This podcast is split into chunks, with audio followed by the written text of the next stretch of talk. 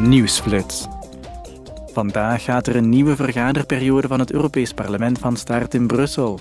De parlementsleden zullen in debat gaan over de laatste ontwikkelingen in Hongarije, in verband met vermoedelijke schendingen van de rechtsstaat en de grondrechten en bevroren tegoeden van de EU. Hongarije zou in de tweede helft van 2024 het rolerende voorzitterschap van de Raad overnemen. De parlementsleden zullen zich naar verwachting afvragen of de Hongaarse regering in staat is om die taak op zich te nemen. Morgen zullen de parlementsleden hun standpunt innemen over een voorstel om dringend munitie en raketten aan Oekraïne te leveren en de lidstaten te helpen hun voorraden aan te vullen. Zodra het parlement hierover heeft gestemd, kunnen de onderhandelingen met de Raad van start gaan, zodat de wet in de plenaire vergadering van juli kan worden aangenomen.